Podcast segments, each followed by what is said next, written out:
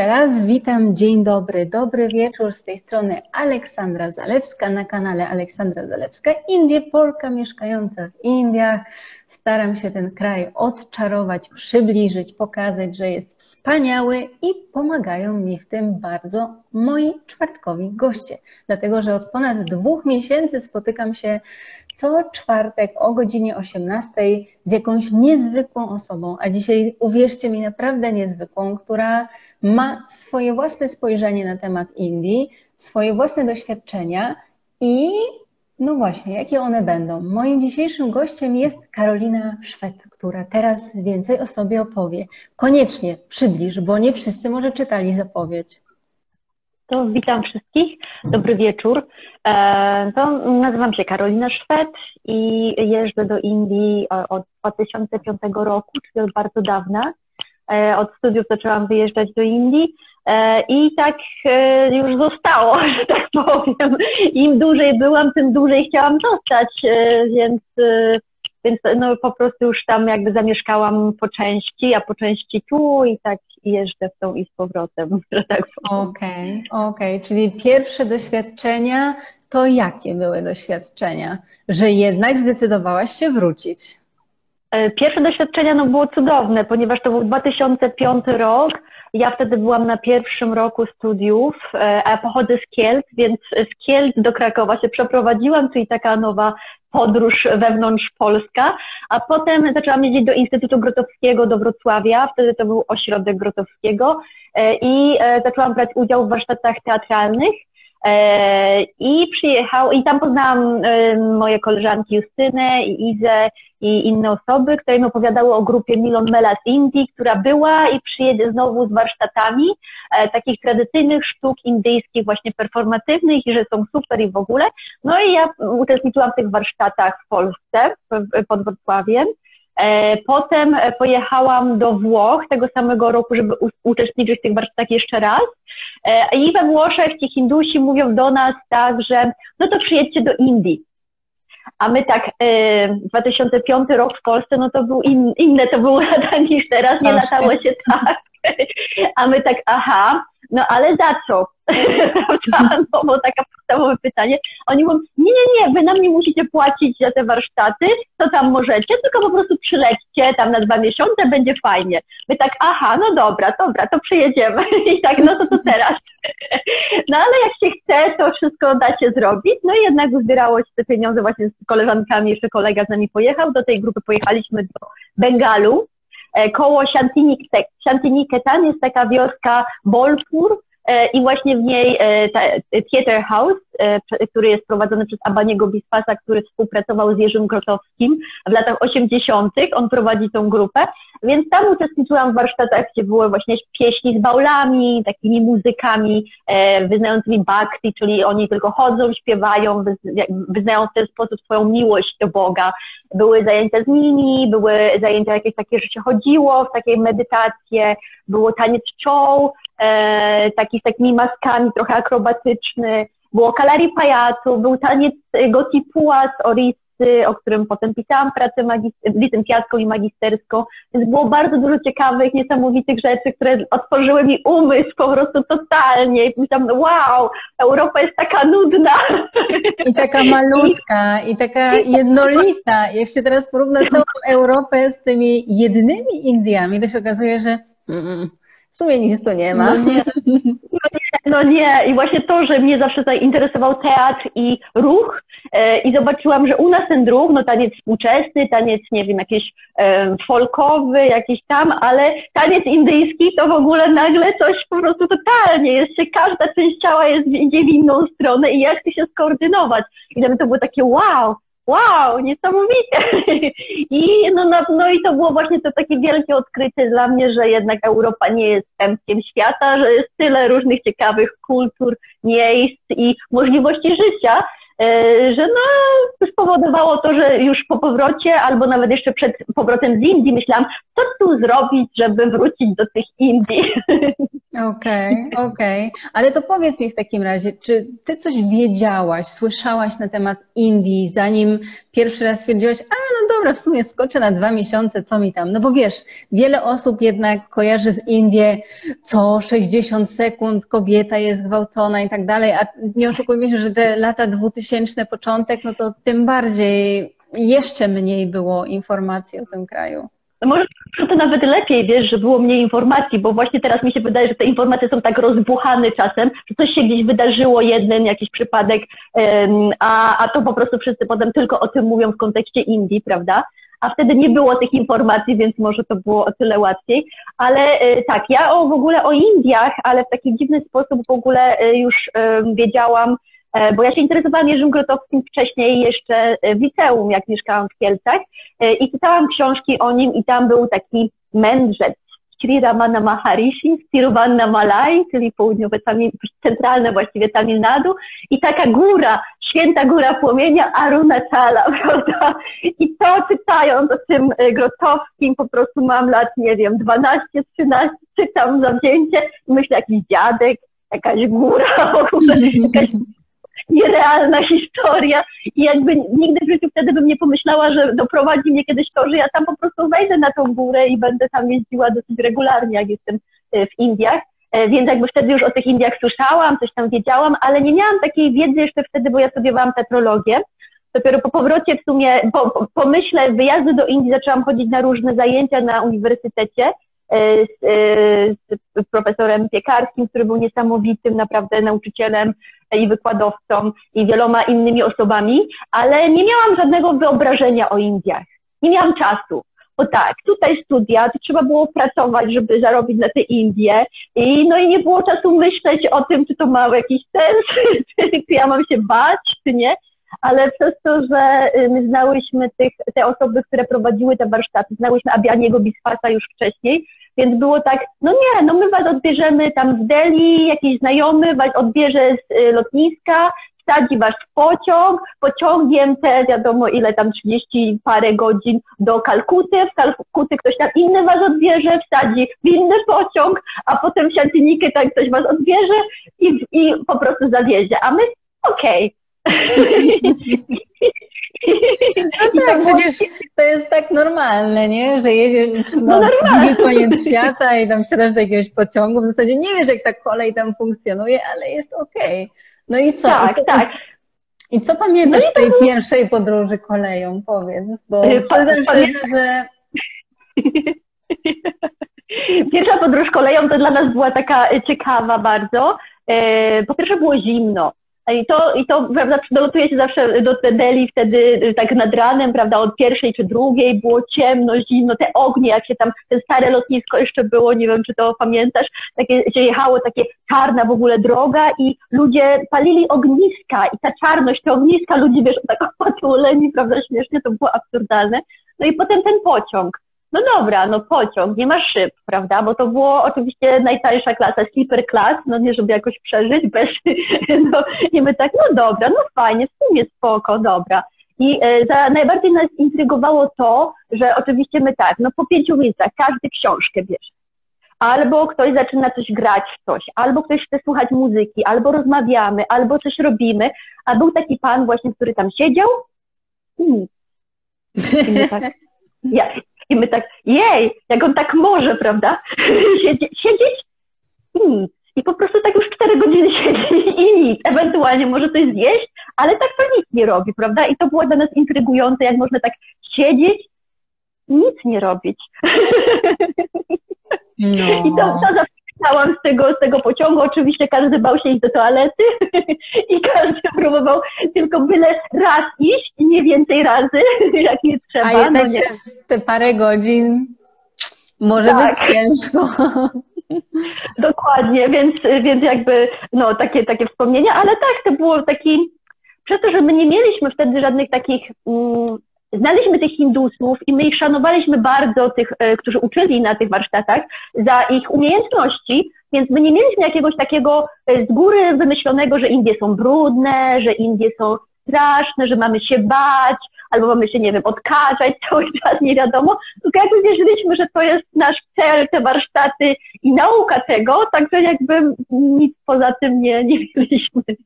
No tym bardziej, że z punktu widzenia rzeczywiście teatru i Grotowskiego, no to myślę, że przeszłaś przez tyle różnych rzeczy, przez tyle różnych procesów, że już w pewnym momencie człowiek po prostu się wyzbywa wszystkiego, wszelkich granic, bo ja przyznam szczerze, że chodziłam właśnie do lartu, do, do Doroty Pomykały ja przez...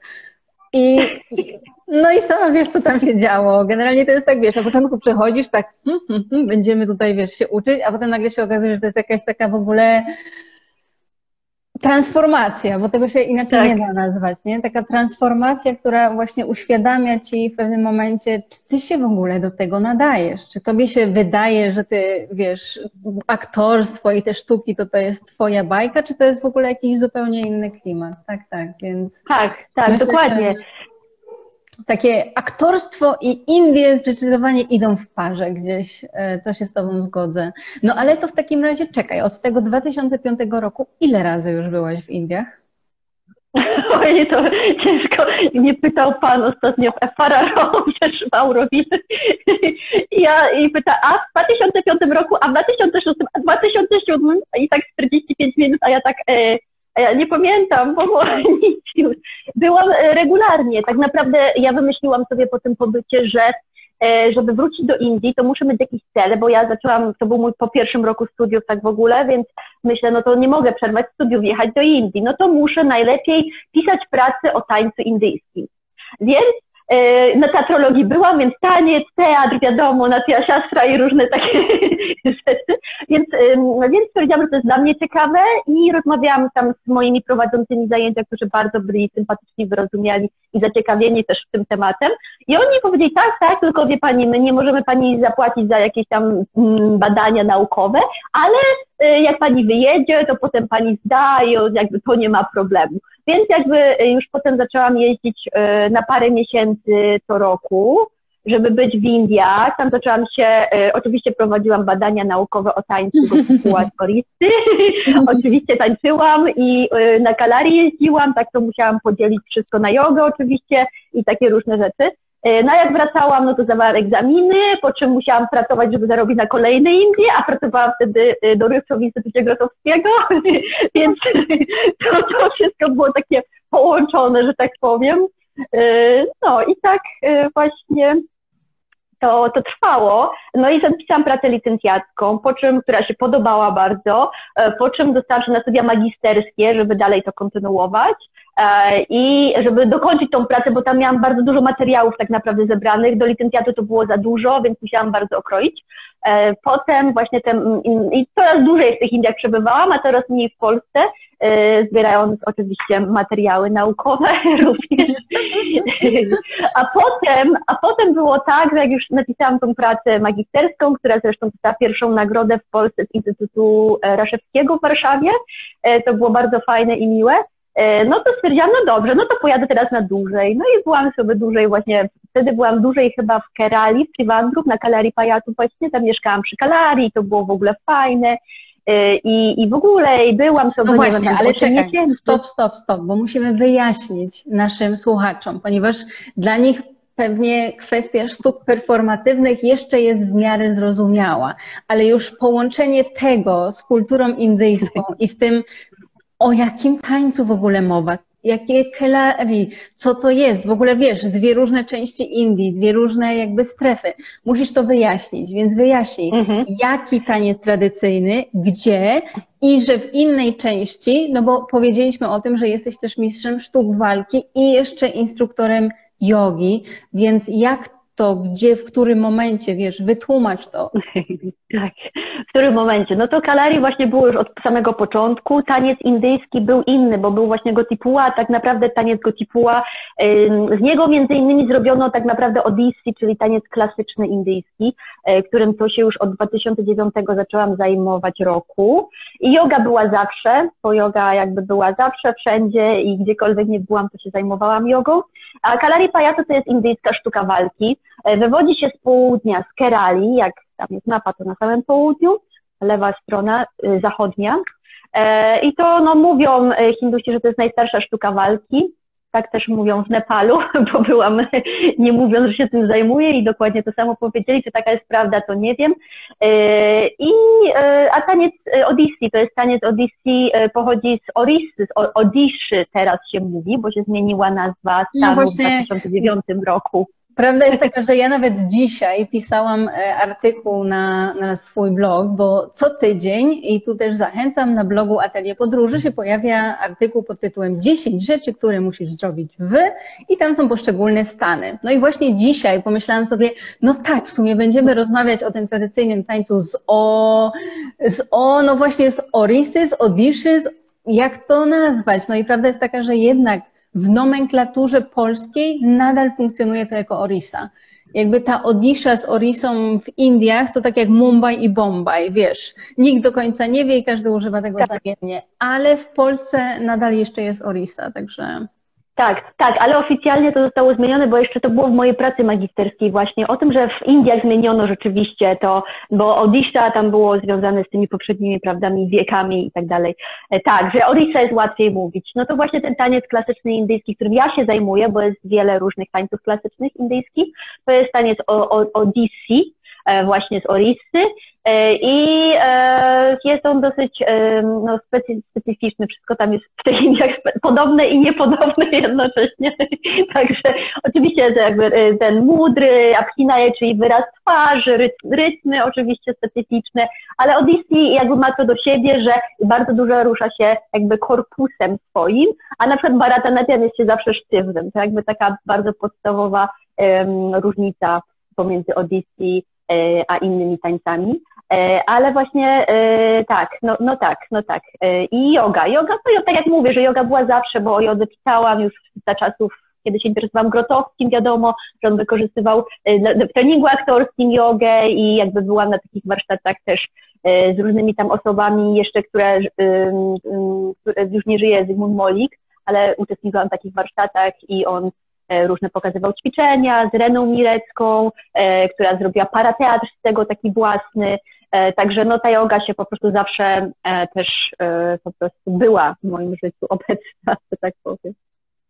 Okej, okay. no ale w takim razie jak trafiłaś do tej Kerali i skąd jakby z tego tańca i jogi wzięły się te sztuki walki? No bo tu musimy też powiedzieć tak. naszym słuchaczom i widzom, którzy wiecie, sztuki walki, no to no nie wiem, karate i tak dalej, gdzieś się kojarzy z jakimiś ruchami, ciałem i tak dalej, ale Kalari, bo ja będę mówić w skrócie, będzie bardziej tak. zrozumiałe, ale Kalari to jest sztuka taka bardzo specyficzna. Oprócz tego, że e, sztuk mistrze, bo chyba tak to trzeba nazwać, e, tej walki, mm, jakby oni ćwiczą na takim bardzo specyficznym ringu, w zasadzie wysypanym piachem z takimi ścianami, no trochę jak człowiek to ogląda, bo są takie pokazy w Kerali i, i można się na to wybrać, no to czuje się trochę jakby, no nie wiem, wybrał się na jakąś arenę z czasów rzymskich, gdzie po prostu tam jacyś gladiatorzy walczą, bo tak to dokładnie wygląda. Co prawda zaczyna się bardzo tak, e, nie wiem, klimatycznie i sentymentalnie tą modlitwą i światełkami, a potem nagle zaczyna się tłuczenie mieczami, kijami, tarcze, skoki, przez te okręgi jakieś z ogniem i tak dalej, no to jest jakaś masakra w ogóle. Tak, tak. No tak, ale właśnie y, skąd ja to, to mi się wzięło to Kalari, po prostu jeden z mistrzów właśnie Kalari Pajatu, on uczył podczas tych warsztatów y, w, y, koło Ketan. Jakby był częścią tego treningu tak. aktorskiego tam. I tak było, tak właśnie pozna, poznałam tego nauczyciela, no i po prostu potem do niego jeździłam. Potem zmieniłam szkołę w, w właśnie w Trivandrum, e, także na, na inny styl południowy też Tekan, a potem zmieniłam styl w Chennai na północny, także, ale jeżeli chodzi o to, bo Kalari ma tą specyficzną budowlę, która e, szczególnie dla stylu północnego jest taka, że to jest e, jakby w ziemi wy, wyżłobiona przestrzeń i do tego jest potem dach, prawda? Czyli to jest wykopane w ziemi, że tak powiem, i, i, i ćwiczy się na właśnie takim na ziemi, na takiej na glinie piachu. jakby. No, na takim, tak, ale to jest taki ostry, właśnie to nie jest taki, gdyby to był piach, może byłoby to łatwiej, ale to jest taka, taki ostry piach, że tak powiem, czyli często po prostu stopy się zdziera na tym też, to są jakieś takie małe kamyczki, mówi się, że w tej ziemi, jak się co roku się zmienia to, to podłoże, tam się niby daje 14 różnych ziół i jak na przykład ktoś sobie coś uszkodzi, prawda, do krwi, no to nic ci się nie stanie, żadne zakażenie nie wejdzie, ponieważ ta, ta ziemia ma te zioła, które są jakieś antybakteryjne, więc y, jakby tam, tam podobność tak jest. Yy, Ale I, czekaj, czekaj, e, podobno czy tak jest? No bo jak ćwiczyłaś, to pewnie nieraz się zdarłaś, no i... Tak, no i nic, żyje nadal, więc tak jest. Nie no, po prostu czasami jakby widziałam, jak oni to robią w niektórych kalarii, prawda? Mogłam uczestniczyć w tym kładzieniu tej ziemi i widziałam, że wsypują jakieś dodatkowe rzeczy, ale nie zawsze, prawda, oni takie rzeczy robią, czasami mogą nie mieć danego zioła, więc nie będzie 14, tylko 10. Wiemy, jak to jest w Wiliach, że to jakby nie, bardzo jest płynne. Ale słuchaj, dopóki jest kurkuma, to jest dobrze, bo ona jest antyseptyczna, więc wystarczy kurkuma i już jakoś, jakoś się dojedzie dalej. Tak, ale do tej kurkumy właśnie tam w tym Trivandrum, jak byłam już e, w tej drugiej szkole Kalarii, u takiego najstarszego żyjącego obecnie mistrza, Tanka Pan Asan, będzie miał chyba 91 urodziny w tym roku, to tam była taka dziewczyna francuska, my byłyśmy młode, walczyłyśmy na miedź i tarcze i to jakoś tak na samym początku było i o, ja ją miałam uderzyć w głowę mieczem, ona miała to obronić, ale ja chciałam uderzyć, ona chciała zobaczyć, czy ja już uderzam i dostała mieczem w głowę. I tak dostała, że jej się polała krew. I co, co oni zrobili właśnie e, ci, ci e, nauczyciele, czyli nic tam wziął kurkumę i na tą głowę jej dał, prawda? No ale my tak, no dobra, tutaj te miecze, prawda, wiadomo, nie są jakiejś jakości, nie wiadomo jakiej, czasami jest nawet rdana nikt, taka lekka, prawda, czy tam nie wiadomo, no to mówimy, dobra, nie, to idziemy do szpitala, żeby zobaczyli, co tam się jej stało. A doktor na nas patrzy, mówię, co wy zwariowaliście, kurku? Także ta kurkuła też jest różnie z nią może być. No różnie, różnie, ale powiem Ci, że mnie na przykład ostatnio zaskoczyło, że tak jak u nas na przykład w szpitalach, czy w ogóle jakby w domu, wiesz, no ewentualnie woda utleniona, ale jodyna to jest jakby wielkie nie. No nikt już nie używa jodyny, no bo jakby przyjęło się, że jodyna po prostu tam wypala, spala tą ranę i tam nie pozwala jej się dobrze goić. A w Indiach nie. W Indiach normalnie jak na przykład kupiłam sobie taki płyn do płukania e, gardła, jak tam wiesz, cię boli gardło, on jest normalnie z jodyną. Jak kupisz sobie coś do odkażania rany, to to też jest z jodyną. Więc jakby w Indiach w ogóle hmm, było dobrze, jest dobrze, po co zmieniać, po co psuć. No, no, także, w sumie tak. Także wiesz, kurkuma tak. też jest dobra. Nie wiem, co jest lepsze, kurkuma czy jodyna w tym wypadku, ale tak. myślę, że koleżanka jednak miała jakieś szwy na głowie, co? E, wiesz, nie miała, nie miała, bo się okazało, że to nie było aż takie głębokie, tylko po prostu no, polała się trochę krew, ale, ale właśnie nie ten, nie, nie musiała mieć szwów na szczęście, ale śmiali się potem w czajszopie okolicznym, że co, kokos ci na głowę spadł. Także ona tak, tak. Kogo na to pół biedy, ale patrzcie, patrzcie, to jest ta Karolina, coś ci na głowę mieczem, nie? No. no. No powiem Ci, że sława, nie zła sława. Ale czy w Polsce są jakieś ośrodki, gdzie można praktykować kalarii, czy nie bardzo? W Polsce teraz y, Justyna, moja koleżanka, z którą byliśmy w Indiach po raz pierwszy, Justyna we Wrocławiu, jej mąż jest Hindusem i oni mają kalarii studio. I nie, y, jak przestrzeń nie mają chyba nadal swojej przestrzeni, tylko wynajmują salę, ale jakby działają już od wielu lat, więc we Wrocławiu jest takie miejsce, które jest regularna praktyka. O, okej. Okay. I zainteresowanie duże, małe, średnie? E, nie wiem nawet, jak to teraz wygląda. Wydaje mi się, że jest, jest nie najgorzej, tak w porównaniu, ale oni no w sumie od 2009 czy 2010 już to prowadzą regularnie właśnie, więc, yy, więc na pewno to nie jest tak jak z karate czy z czymś innym, że po prostu jest 150 osób na sali, prawda, wiadomo, coś takiego, ale, e, ale myślę, że jest coraz lepiej. Myślę, że jest coraz lepiej, bo ludzie teraz e, chcą nowych rzeczy się uczyć, jakichś niespotykanych, także... Ale będzie, że karate to jeszcze pół biedy, no bo jednak to, tam są jakieś takie zasady i tam teoretycznie nie ma więcej osób niż pewna określona grupa, ale jak poszłam na zajęcia z Krav Magii, to po prostu naprawdę tłum, jaki tam był i na dodatek jaki to tak. był tłum, tam w większości to byli chyba jacyś um, po wyrokach tacy, wiesz, co dopiero wyszli z więzienia i próbują się jakoś obronić przed mafią, która chce ich dopaść.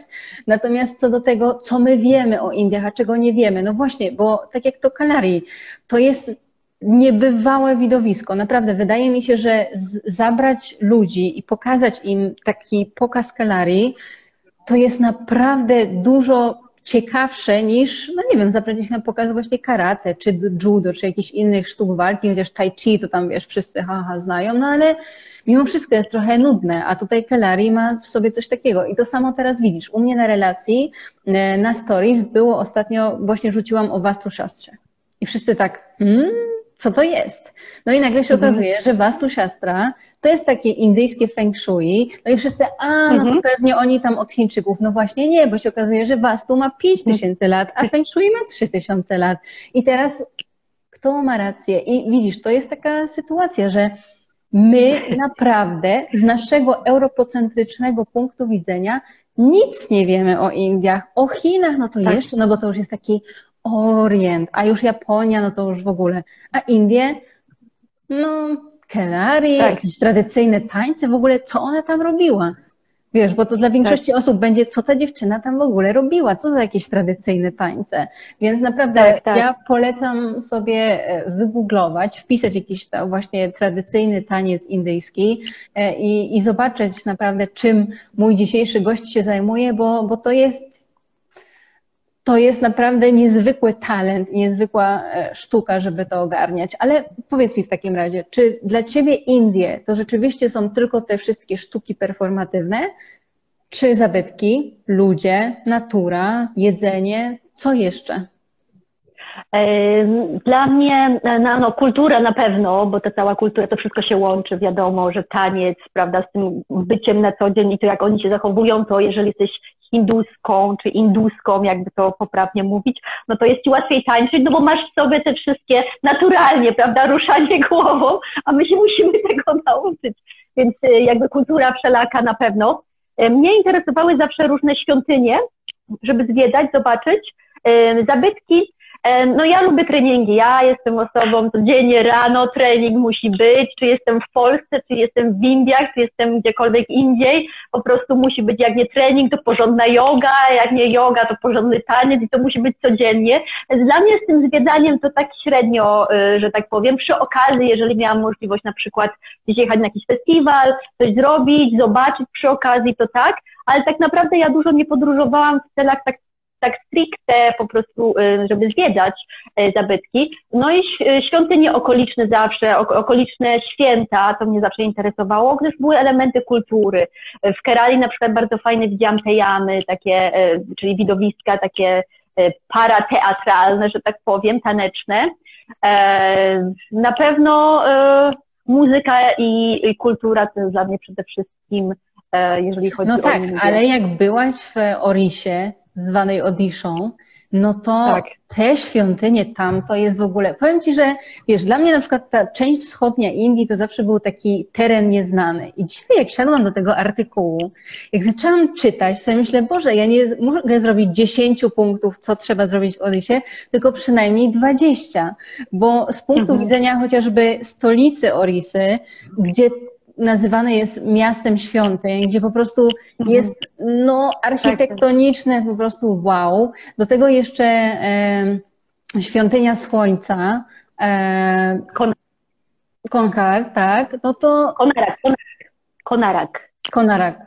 Konarak? Mhm. Konarak. No to mhm. dla mnie magia, tak. naprawdę. To jest, to jest, no. to jest magia. Tak, no właśnie, ale ja, ja mieszkałam przez jakiś czas w Bubany-Świarze, bo moja nauczycielka Odyssey już, już później e, by, by po prostu mieszkała wtedy w Bubany-Świarze i pamiętam, że było takie niesamowite, jak ja po prostu brałam rower i na rowerze jechałam pomiędzy tymi starymi świątyniami do niej do domu. Jak miałam czas, to jeszcze siadłam przed tą świątynią, tak patrzyłam na te tancerki wyrzeźbione tam na bokach tych świątyń, jechałam, no i tak sobie wracałam i to było takie w ogóle piękne. E, więc e, no, chciałam kiedyś tam sobie jeszcze pojechać, zobaczyć, ale e, ktoś mi tu dzwoni, o, tylko, dobra. E, byłam w miejscu Raguraczpur, nie wiem, czy to sobie to czytałaś, taka wioska artystów. I ja tam zaczynałam tak naprawdę i moja praca o Gotipuła, to Gotipuła wywodzą się z tej wioski. Ja z nimi mieszkałam przez parę miesięcy y, i z tymi dziećmi w jednym takim pokoju na podłodze, każdy koło siebie i z nimi jeździłam na festiwale. Na piątej rano były próby, wstawali na pakałaczu takim bębnie właśnie grali, albo na harmonium i wszyscy zaczynali tańczyć, śpiewać i to było bardzo niesamowite, bo to jakby taka ta kultura taka naprawdę dogłębna, że tak powiem. No właśnie, i jeszcze do tego, no bo tak, mamy właśnie w Orisie to rękodzieło wszelkiego typu i mamy też 62 plemiona które po prostu wyglądają tak niesamowicie. Jak ja zaczęłam ich tam, wiesz, googlować i przerzucać, no to myślę, że spokojnie na jakąś pracę, nawet nie magisterską, tylko jakąś doktorską albo jakąś po prostu książkę by się to nadawało, bo mamy 62 plemiona tylko w jednej Orisie, która jest w wielkości połowy Polski, 40 milionów ludzi i 24% to są właśnie te plemiona wszelkiego typu. I mhm. oni w ogóle, i ta biżuteria, i to wszystko. Jak ktoś na przykład kojarzy e, z Tajlandii, e, te kobiety z. O, okej. Okay. Właśnie biżuteria. Hmm. koper, jak to się. Miedziana, miedziana. miedziana. No, także. Jak ktoś kojarzy z Tajlandii te kobiety z tymi obręczami na szyjach, no to w tym regionie też takie rzeczy są, więc myślę, że naprawdę, jak ktoś szuka takich etnicznych klimatów, tak. to zdecydowanie do Orisy trzeba się tak. wybrać, tak? No bo do Kera pozieleń artystycznie, wiesz, przepraszam, że ci przerywam, oni w tej Orisie właśnie, bo pięknie grają, śpiewają, tańczą, pata y, citra na, na liściach palmowych malują, dużo bardzo takich naprawdę pięknych rzeczy tam można zobaczyć na, i oni cały czas to, mam nadzieję, robią, yy, tak w ogóle. A co do Adivasi, oni, tych plemiona, on, oni też cechują się tym, że często mają kobiety tatuaże na twarzy i na brodzie, na policzkach, albo kropeczki, albo takie paseczki, to też wygląda przekosmicznie, niesamowicie po prostu. Ale tam część chyba plenion nie można odwiedzać, jest chyba zakaz, bo jednak... No i zas, zasmucę Cię też, bo właśnie przy okazji pisania artykułu trafiłam na jakiś tekst, tekst, że jakiś ogromny eksodus był w czasie pandemii i że oni w obawie właśnie przed różnymi reperkusjami związanymi wiesz, jakby całą pandemią, szczepieniami, kwestią tego utrzymywania się z turystów i tak dalej, że tam się to wszystko troszeczkę wzięło i rozjechało. Więc zobaczymy, jak to będzie wyglądało, jak zaczniemy wracać do normy, jeśli można tak powiedzieć. To prawda, ale w takim razie no, wynika z Twoich doświadczeń, że z ludźmi, z Indusami i w tym Hindusami, że Twoje doświadczenia były wszystkie takie, no w zasadzie powiedzieli Ci, ok, odbierzemy, zawieziemy, zaopiekujemy, wszystko dobrze i zawsze dobrze. Czy masz jakieś złe doświadczenia, czy raczej tylko takie pozytywne? Nie, wiesz, to nie mam złych doświadczeń y, z, wśród tych osób, którymi na przykład tam gdzie jeździłam na Tanie, czy na Kalari, czy w ogóle, jakby zupełnie nie. I tak naprawdę dużą część w ogóle e, bycia w Indiach spędzałam tylko z, z Indusami, bo teraz, teraz i tak jest więcej mm, osób z Polski mieszkających w Indiach, a kiedyś nie było naprawdę. No nie było internetu, żeby nawet się dowiedzieć, kto gdzie mieszka tak naprawdę. Także tak naprawdę nie miałam jakoś e, nigdy żadnego problemu, ani w Orisie, ani w sumie w tym Bengalu, e, a na południu to mi się wydaje, że w ogóle jest jakiś taki większy luz. Znaczy jakby mi się wydaje, że nawet to Tamil Nadu, ja lubię Tamil Nadu teraz, bo czuję się bardzo komfortowo. Nie boję się w ogóle autobusem nigdzie w nocy jeździć, bo kobiet jest dużo w ogóle w autobusach i wszędzie. E, ale nie miałam nigdy, a nawet w Orysie jeździłam na tym rowerze w nocy i jakby no, nie miałam nigdy niemiłych doświadczeń. Mhm. No okej, okay. czyli jednak ten czarny PR, jak ja to nazywam, czyli to wszystko, co słyszymy tam w mediach, Twoim zdaniem troszeczkę przesadzone, co? E, wiesz co, no właśnie nie wiadomo, większość tych rzeczy to chyba i tak dzieje się w północnych Indiach tak w ogóle, prawda? Tak mi się wydaje generalnie. E, no a ja jestem na południu. Na pewno to jest przez to, że to jakby wiadomo o tym od razu w telewizji, w gazetach i tak dalej, to tak jest jakby unaocznione i na pewno to jest bardzo niedobre i nie powinno się tak dziać i trzeba uważać na pewno e, i nie wchodzić w jakieś tam nie wiadomo jakie dziury, bo wchodziłam w różne dziwne miejsca, ale jakby to było i tak w kontekście jakimś takim, wiesz, kultury, I mi się wydaje, że jak szłam, nie wiem, trzy kilometry w nocy przez las Kerali sama, bo mi powiedzieli, że tam jest Tejam i stwierdziłam, chyba mnie całkowicie pogrzało, ale już, no co, już idę.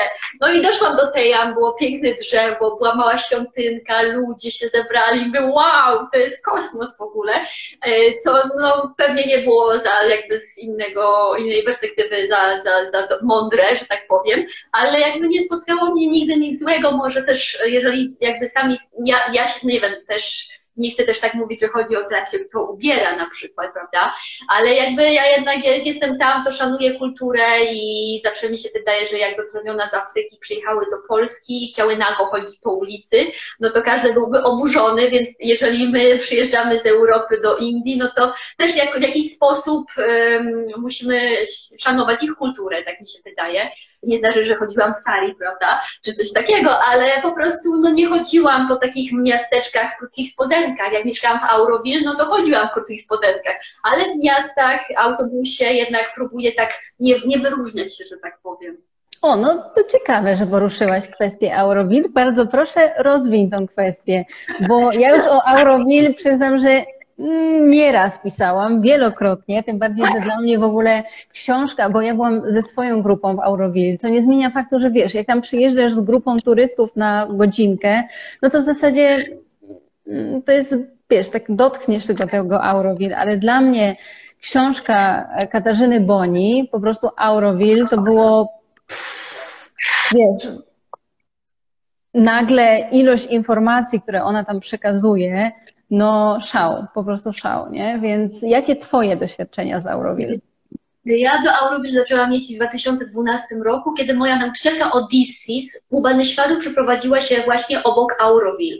I to był dla mnie pierwszy moment, kiedy tam pojechałam, ponieważ ona, robiłyśmy projekt taneczny w wielkim Barat Nivas, czyli audytorium tam w Auroville y, i to było bardzo fajne, bo znowu byłam w celu jakimś, zwiedzałam przy okazji, prawda, ale miałam te moje treningi i tam oczywiście znalazłam Kalarii Pajatu i też chodziłam na, na treningi z Kalarii i tak dalej. I Auroville było było dla mnie zawsze czymś takim dziwnym.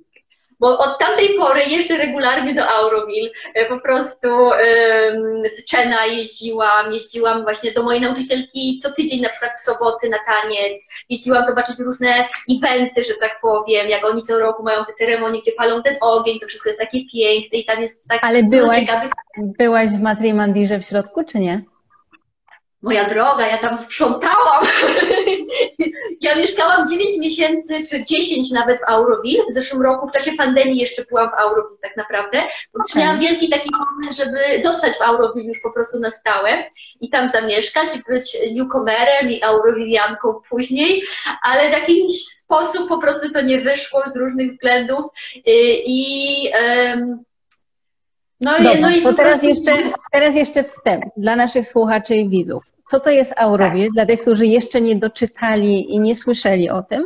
Auroville to jest miasto przyszłości, no bo tylko tak można to nazwać. Jest to takie miejsce, które zostało stworzone w zasadzie na kawałku pustyni, nieopodal miejscowości Podicherry w stanie Tamil Nadu, na bazie nauczań guru, który miał swoją taką bardzo wierną studentkę, e, która nazywa się, jest znana jako matka, e, która wymyśliła, że trzeba stworzyć na tym Wespadole takie miejsce, gdzie ludzie będą mogli żyć niezależnie od tego, z jakiej kultury, religii, rasy czy w ogóle miejsca na świecie się wywodzą.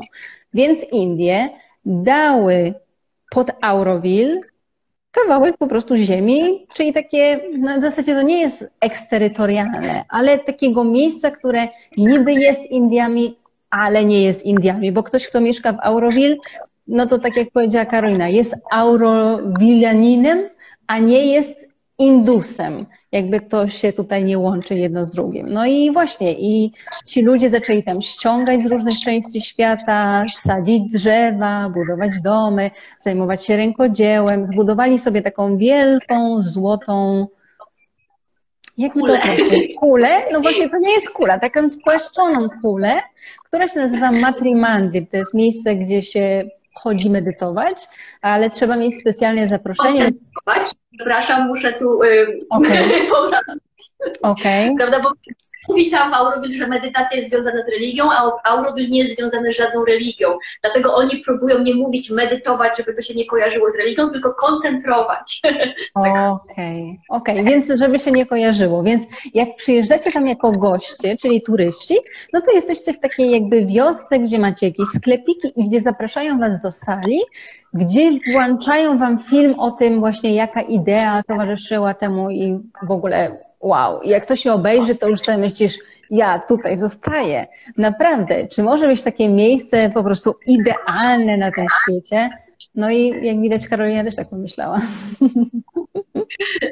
Tak, tak. No właśnie, tak się wydaje i właśnie to jest ten taki wielki problem. Ja się śmiałam um, do kolegi, bo będzie, będzie kolejna książka o Auroville, nie wiem kiedy, ale będzie. Y, I właśnie śmiałam się do, do kolegi, że dla mnie to jest taka, Auroville to jest nieznośna lekkość bytu. jakby nie wiem, czy jakby jest okay. tam coś takiego y, lekkiego, pięknego, te ogrody, w ogóle wszystko, te projekty ekologiczne, cudowne, ale tam jest coś takiego nieznośnego w tym wszystkim, y, w jakimś stopniu, że nie jest to takie idealne, jak się wydaje i y, często jest tak, że może tak będzie ze mną, mi się wydaje, może możliwe, już tak jest, że chcę wyjechać, jak wyjadę, to już tęsknię, jak wrócę, to chcę wyjechać, prawda, stamtąd, że jest cię już po prostu tak pomiędzy Ale czytałaś, czytałaś tą książkę y, Kasi Boni? Czytałam. No tak, właśnie, czytałam. to na dobrą sprawę historia tych mieszkańców pierwszych dokładnie taka jest. Oni by się tam najchętniej pozabijali po prostu wszyscy, ale trzymała ich wspólna idea stworzenia tej galaktyki wspaniałej, naprawdę magia, magia. To jest takie rzeczy, to są chyba przyznasz mi rację, mogą się tylko w Indiach wydarzyć. Nie ma tak. nigdzie innego miejsca na świecie, gdzie coś takiego mogłoby w ogóle zaistnieć.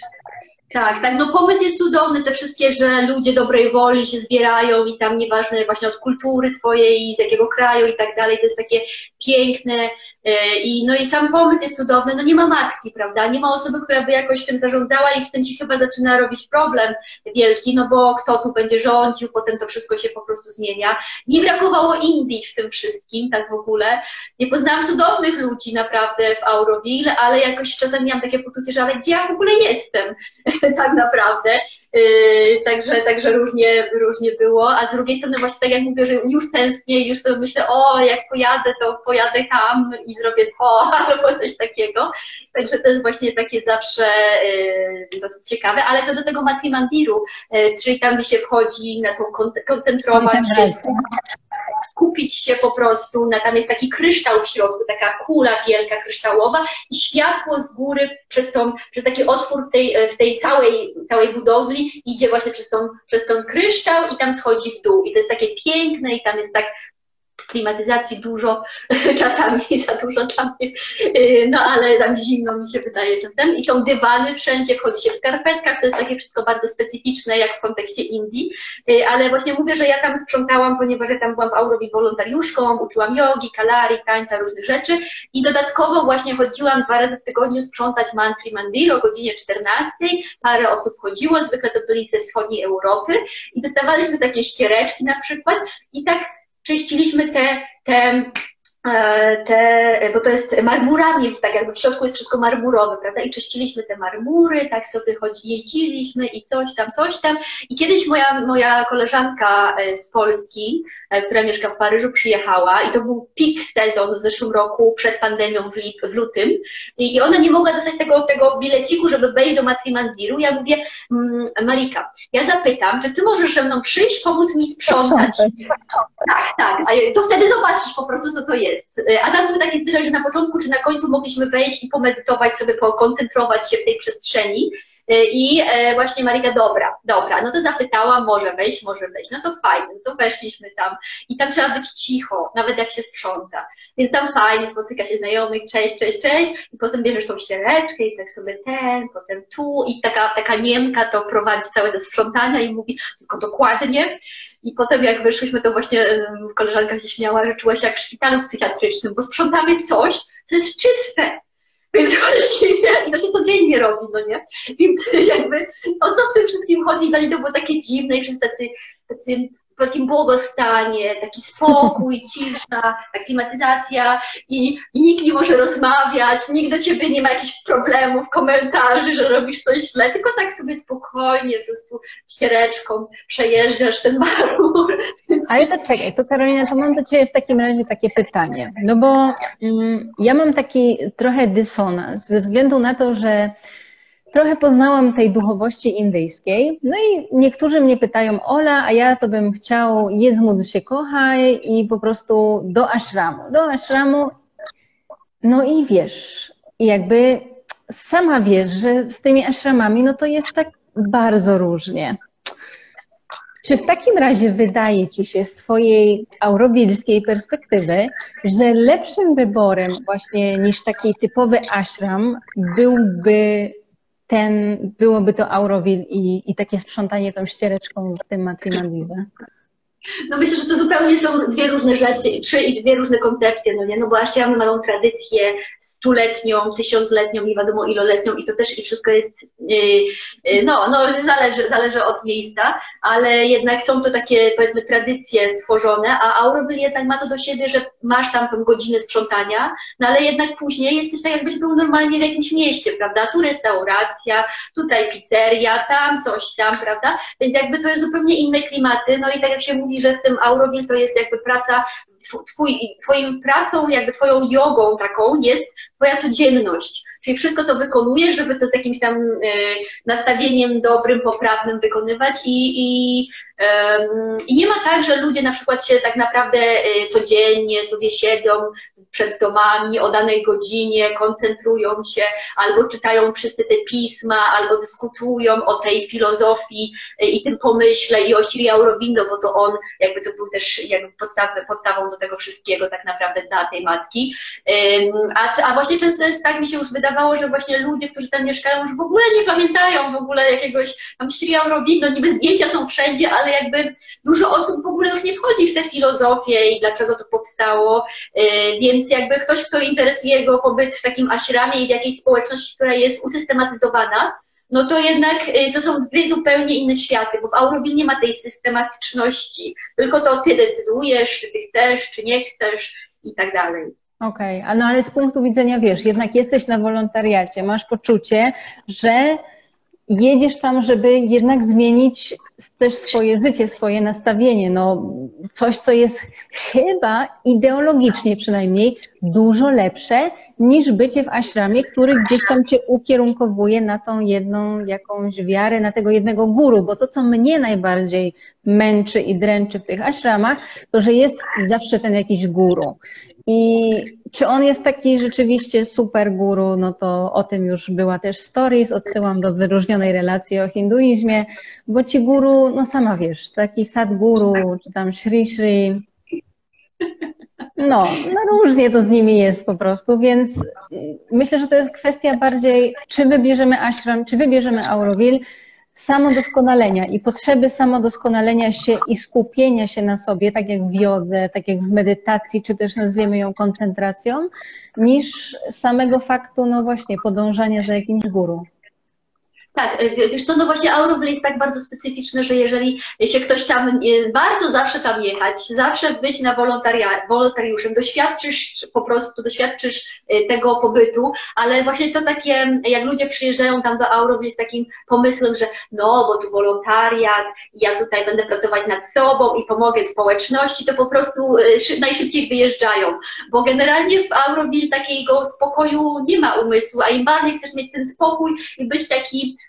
porządku z ludźmi, tym bardziej jakoś jest tak, że po prostu wszystko, ludzie, jakby zaczyna się po prostu konflikty, że tak powiem.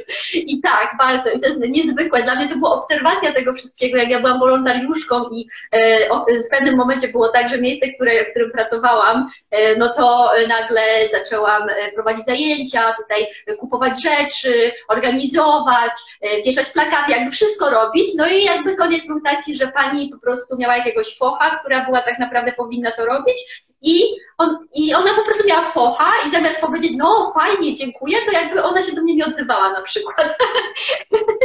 tak, więc jakby i to była praca za darmo, wiadomo, no nie?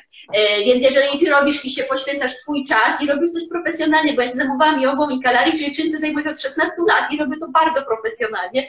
Także jakby e, takie różne rzeczy. Też ludzie się często kłócą o zwierzęta, to kolejny problem.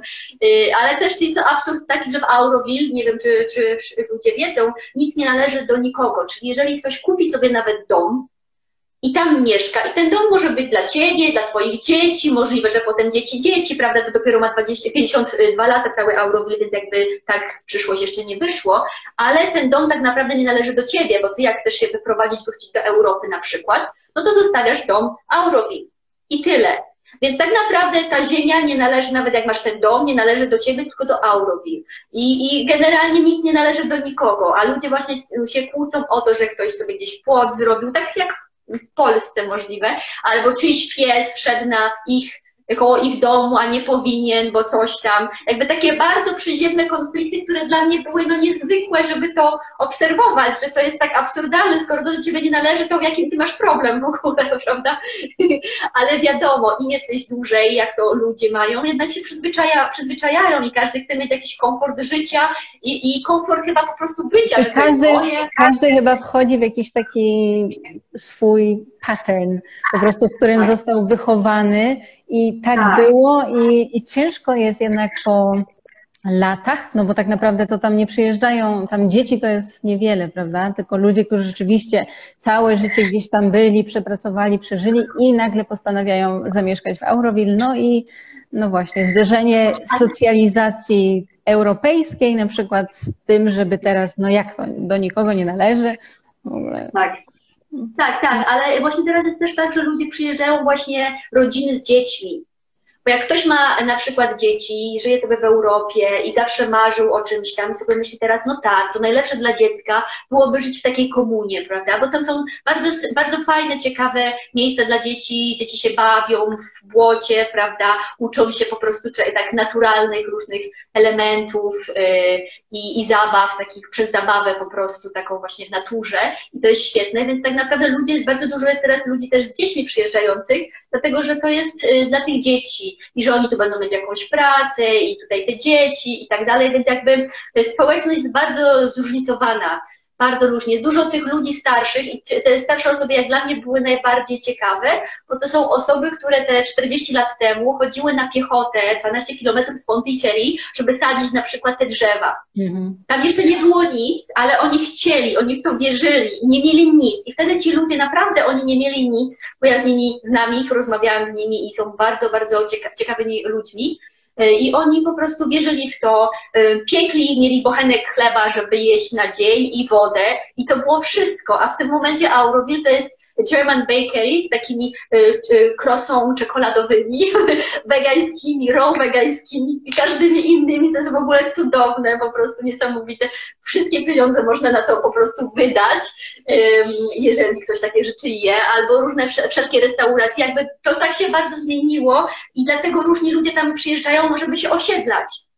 Bo dużo osób z Europy by nie przyjechało, gdyby to wyglądało jak ashram, taki najzwyklejszy indyjski, czyli jest sala, jest sześć łóżek, prycz powiedzmy takich bardzo podstawowych, prawda, wspólna łazienka, o godzinie 5.30 pobudka i medytujemy, tak, gramy mantry, e, robimy jogę, śniadanie jest o dziewiątej, ale sami musimy nakryć i tak dalej, bo ja też byłam w takich ashramach, także tak to wygląda, prawda, a jednak w Aurowie jest właśnie ten luksus już teraz domy, piękne domy są po prostu, architektura jest przepiękna tak naprawdę, e, domki na dachu, które są luksusowymi domkami na, na dachu, na domkami na drzewie, e, pięknymi, więc jakby naprawdę społeczność, która tam teraz, ludzie, którzy przyjeżdżają i którzy tworzą tą społeczność są bardzo, bardzo różni. Mhm. No okej. Okay. No, czyli jednym słowem, warto, ale każdy powinien sobie wyważyć to. To w takim razie w tym kontekście, czy wydaje Ci się, że Indie to jest takie miejsce, do którego trzeba dorosnąć, do którego trzeba dojrzeć, może bardziej niż dorosnąć, żeby docenić? E, ja myślę, że e, czy, czy to rzeczywiście chodzi o to, żeby dojrzeć, czy dorosnąć. Mi się wydaje, że w pewnym sensie każdy różnych rzeczy szuka w życiu, każdy ma swoją karmę. Jeżeli to jest ta twoja karma, e, no to po prostu e, to, to do, do, przyjeżdżasz albo raz, albo dwa razy, albo trzy razy i zaczynasz to doceniać, jaka tam jest e, taka ciekawa kultura i rozknięta tak naprawdę, poza tymi śmieciami, bo każdy przyjeżdża, patrzy, o śmieci, jest brudno. Ale co jest poza tym wszystkim, czemu te świątynie tak wyglądają, bo wiemy, że to jest nauka tak naprawdę, to oparte jest na nauce i na bardzo ciekawych przemyśleniach tak w ogóle. Także, także czy to tak do tych Indii podchodzić? Ja nie wiem, ja nie, nie wiem po prostu. Trzeba jechać i zobaczyć, ale właśnie bez nastawienia, bo właśnie tak jak pytałeś na początku, jakie miałam nastawienie do Indii, to ja nie miałam żadnego. I dlatego nic mi nie robiło problemu, sprawiało problemów, no bo ja niczego nie oczekiwałam tak naprawdę. E, poza tymi, że treningi, lekcje i tak dalej, no ale to było na poziomie, jaki ja z góry wiedziałam, że będzie. A tak poza tym to jakby mi się, ja, ja jakby też chyba taką osobą trochę jestem, że lubię, że każdy robi swoje, jakby ja nie wtrącam się, ja obserwuję, ale ja robię po swojemu również i też nikt mi się tutaj nie, nie wtrąca, powiedzmy, czy coś takiego, także. To na koniec jeszcze powiedz mi odnośnie kuchni. Twój stosunek do kuchni w Indiach. Ty jesteś wegetarianką, weganką? Ja jestem raw weganką od 9 miesięcy, czyli jem tylko surowe owoce także tak, i to jest super w ogóle. A co do Indii, to dla mnie też było niesamowite i też dlaczego ja tam lubię być i lubię wracać, bo ja od dziecka nie chciałam jeść mięsa. Ja od dziecka bardzo byłam prozwierzęca, od naprawdę małego i to było niezwykłe i e, zawsze miałam problem, że potem już jak już wiedziałam, że mogę nie jeść, to mnie zmuszano, że jednak muszę jeść. No i jak już na studia wyjechałam, to przestałam jeść mięso i potem było wow, jest miejsce po prostu, gdzie jak ja nie jem mięsa, to nikt mnie nie pyta, nikt mnie nie wmusza, nikt po prostu nie dyskutuje. Ja jeszcze jestem taka, jak, jak jadłam w Indiach, no to nie jadłam jeszcze cebuli ani czosnku, czyli taki dżaj, dżiniści, tak robią tak, właśnie, więc jakby to dla mnie było wow, ja mam taką swobodę i nie muszę się tłumaczyć. I to jest w ogóle takie przyjęte i nawet szanowane to, że ja nie jem tych zwierząt, prawda, i nie używam żadnych skórzanych rzeczy. I dla mnie to, to jakby w tym kontekście właśnie było niezwykłe. A co do kuchni, no to ja generalnie nie, jadłam nigdy dużo, więc chętnie, chętnie jadłam to, co tam było. E, ja raczej takie typu idli, dosa, czyli południowoindyjskie, e, różne takie naparzy rzeczy najbardziej mi, że tak powiem, smakują. Plus oczywiście sosik ostry może być, kokosowy i takie tam rzeczy, takie rzeczy jadłam. Jakby, więc ja po prostu jak jeździłam do Indii na samym początku, no po prostu nie, nie, nie miałam pieniędzy, nie stać mnie było, żeby sobie coś nie wiadomo co tworzyć, kupować chleb. Kiedyś był drogi taki chleb, prawda, taki tostowy i kupować jakieś, nie wiem, sery czy coś takiego. E, więc e, raczej jadłam tak lokalnie, no bo wtedy można zjeść sobie idli za 20 rupi, czyli za polską złotówkę i masz śniadanie z głowy, prawda? Więc jakby mm, ja tam nie się przejmowałam. Dokładnie. Sery, y, pocieszycie, y, nic się nie zmieniło, wszystko jest tak drogie, jak było. Także wiesz, jak raz na miesiąc kupić ten kawałek sera, tak wiesz, ten powiew Europy po prostu nie. No niestety, no ale mniejsza o to. W takim razie, okej, okay. na koniec jakieś takie jedno, dwa zdania podsumowania. Dlaczego uważasz, że każdy powinien tych Indii spróbować, wybrać się, pojechać, zobaczyć? Myślę, że w Indiach jakby każdy nawet lubi je czy nie lubi, to w jakimś stopniu doświadcza siebie samego. Bo jak pojedziesz, jedni się złoszczą, ale tak naprawdę na co się złoszczą? Właściwie to jest kraj, do którego przyjechali i tu kraj jest jaki jest, to oni mają problem tak naprawdę. Więc mi się wydaje, żeby odkryć siebie i właśnie potem polubić czy nie polubić, ale y, myślę, że to jest takie bardzo otwierające. To, że jesteśmy też tutaj przyzwyczajeni w Europie do jakichś tam standardów życia i nam się wydaje, że tak wszyscy już powinni żyć i tak dalej dalej, ale jak widzimy jakby też ludzi biedniejszych i takich skromnie żyjących, którzy też nie muszą być do końca bardzo biedni tak naprawdę, ale myślę, że to otwiera nam umysł i um, akceptację innych ludzi, innych kultur i sposobów bycia, więc myślę, że na pewno warto zwiedzać i um, chociaż raz pojechać do Indii. Pewnie, pewnie. Bardzo się z tym oczywiście zgadzam, bardzo serdecznie zachęcam. Bardzo, bardzo, bardzo Ci dziękuję, Karolina. Moim gościem była e, Karolina Szwed, która, e, no cóż, trzeba obejrzeć po prostu od początku, posłuchać, żeby dowiedzieć się o niej więcej. W razie czego też odsyłamy na Karoliny profil, gdzie niektóre zdjęcia trochę więcej myślę, że o niej powiedzą. E, no i cóż, no, mm, do zobaczenia w świecie, w Indiach. Może, może się uda. Tak, ja dziękuję bardzo, też bardzo mi było miło e, porozmawiać o Indiach i sobie tak przypomnieć wszystko. Odświeżyć. Już czekasz, kiedy się otworzą i przyjedziesz. Tak, i mam nadzieję właśnie, że się spotkamy po Auro, więc Cię może oprowadzę. Okej, okay, może w końcu wejdę do Matrimandiru do środka, nawet z tą ściereczką, nie ma problemu. Dzięki i do zobaczenia. No pa, cześć.